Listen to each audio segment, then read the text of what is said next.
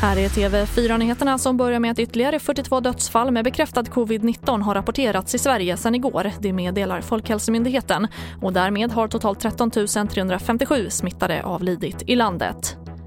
Och italienska myndigheter har hittat närmare 30 miljoner doser av AstraZenecas vaccin, det uppger den italienska tidningen La Stampa.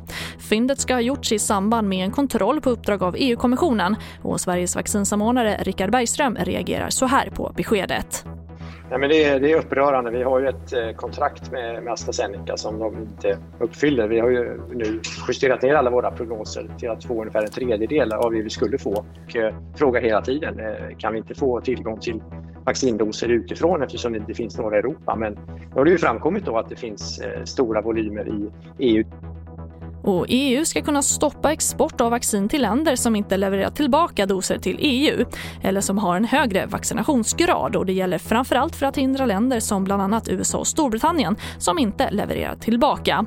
Det beslutet fattade EU-kommissionen idag, det skriver flera medier. TV4-nyheterna, jag heter Charlotte Hemgren.